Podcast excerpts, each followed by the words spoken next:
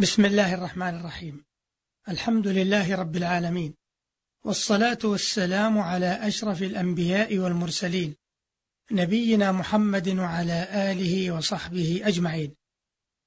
معاشر المستمعين الكرام سلام الله عليكم ورحمته وبركاته. أما بعد فإن الحديث في هذه الحلقة سيدور حول صفات الحروف العربية. معاشر المستمعين الكرام لا يقصد من هذا بيان مخارج الحروف العربية وضبطها على وجوهها الصحيحة المتناقلة عن العرب. فذلك خارج عن غرض هذا البرنامج. ثم هو موضوع فن برأسه. وقد وضع فيه ابن جني كتابه سر صناعة الإعراب. وهو أتم كتاب في ذلك حيث قسمه على أبواب بعدد الحروف. فذكر فيه أسماءها وأجناسها ومخارجها ومدارجها وفروعها وخلاف العلماء في ذلك مستقصا مشروحا. والمقصود ها هنا ذكر أنواع هذه الحروف باعتبار صفاتها لأن هذه الصفات إنما هي مصطلحات تاريخية في اللغة وهم يسمون الخطأ فيها أي في صفات الحروف يسمونه لحنا خفيا.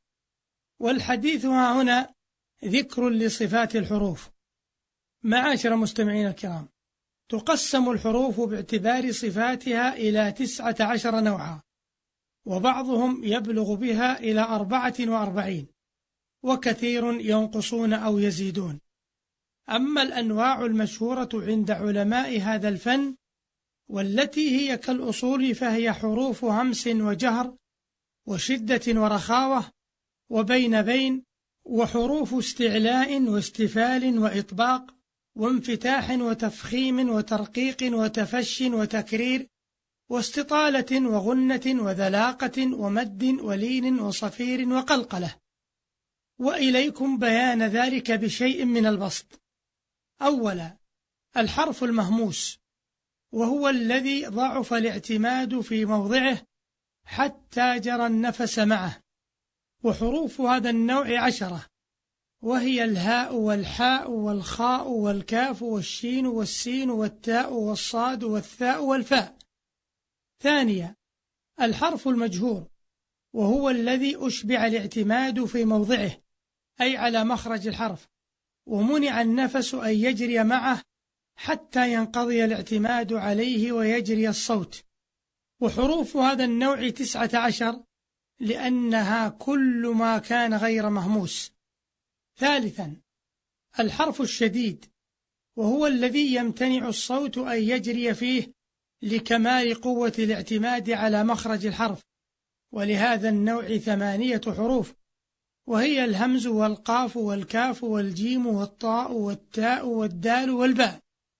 رابعا الحرف الرخو وهو الذي يجري فيه الصوت لضعف الاعتماد على مخرجه مع نفس قليل وذلك في الرخو المهجور أو كثير وهو في الرخو المهموس وحروف الرخاوة ستة عشر وهي الذال والضاء والغين والضاد والزاي والواو والياء والألف والهاء والحاء والخاء والشين والسين والتاء والصاد والثاء.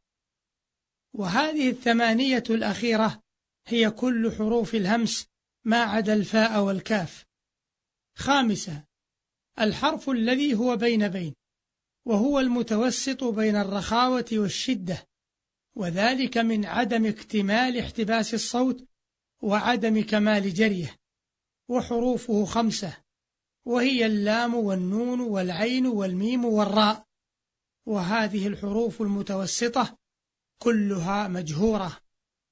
أما الأنواع السابقة فمنها الشديد المجهور وهو ستة حروف الهمز والقاف والطاء والباء والجيم والدال. ومنها الشديد المهموس وهو حرفان الكاف والتاء.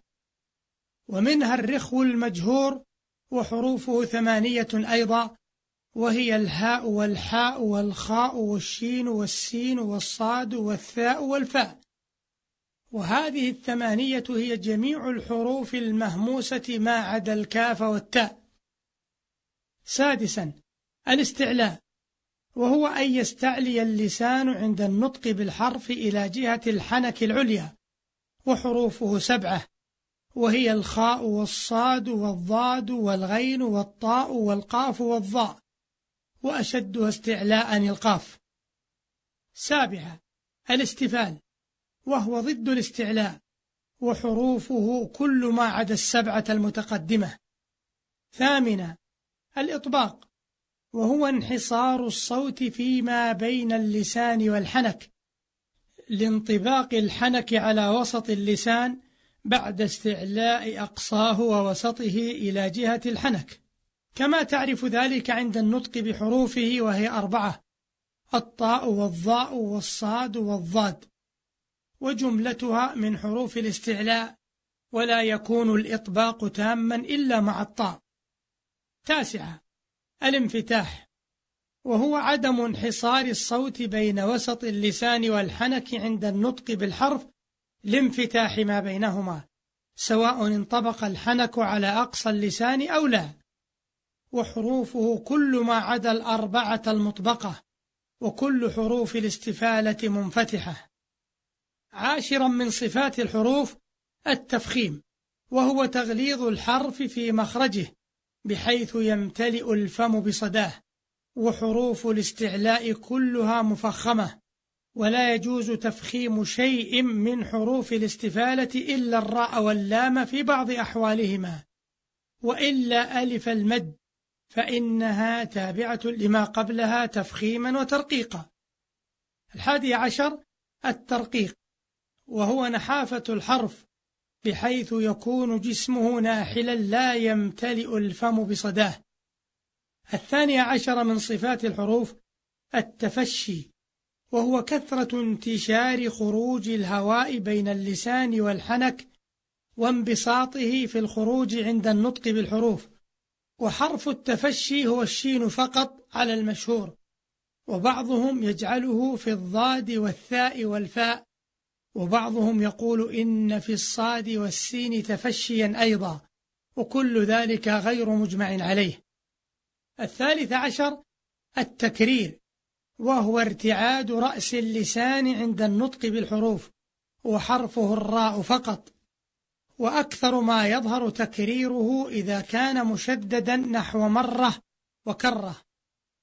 الرابع عشر الاستطالة وهي امتداد الصوت من أول حافة اللسان إلى آخرها وهي جنب اللسان لا طرفه وحرفها الضاد فقط.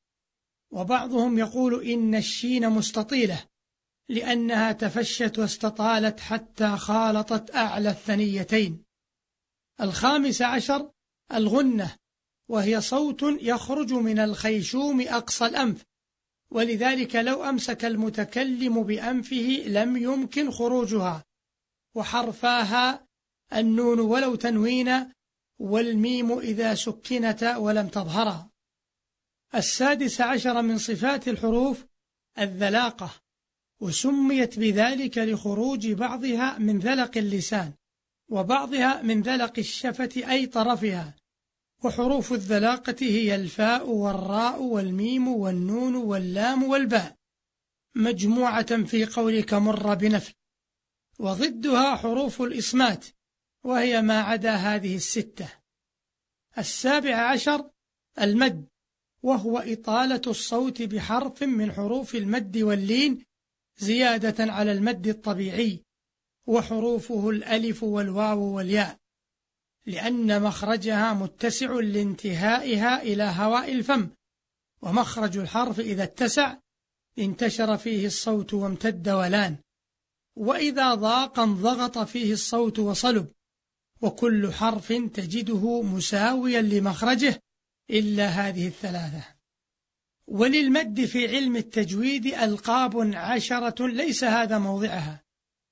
الثامن عشر من صفات الحروف الصفير وهو صوت يخرج مع الحرف يشبه صفير الطائر وحروفه ثلاثة السين والصاد والزاي. التاسع عشر القلقلة وهو صوت زائد يحدث بفتح مخرج الحرف بتصويت ويشترط عندهم في إطلاق اسم القلقلة على ذلك الصوت أن يكون شديدا جهريا. وحروف القلقلة خمسة القاف والطاء والباء والجيم والدال. والمبرد يعد الكاف من حروف القلقلة كأنه لم يشترط قوة الصوت الزائدة. وعلى ذلك تكون التاء منها أيضا وهو ما يفهم من كلام سيبويه لأنها كالكاف والصوت فيهما يلابس جري النفس وهو صوت همس ضعيف ولذلك عدا شديدين مهموسين. معاشر مستمعين الكرام إلى هنا ينتهي وقت هذه الحلقة التي دارت حول صفات الحروف والسلام عليكم ورحمة الله وبركاته.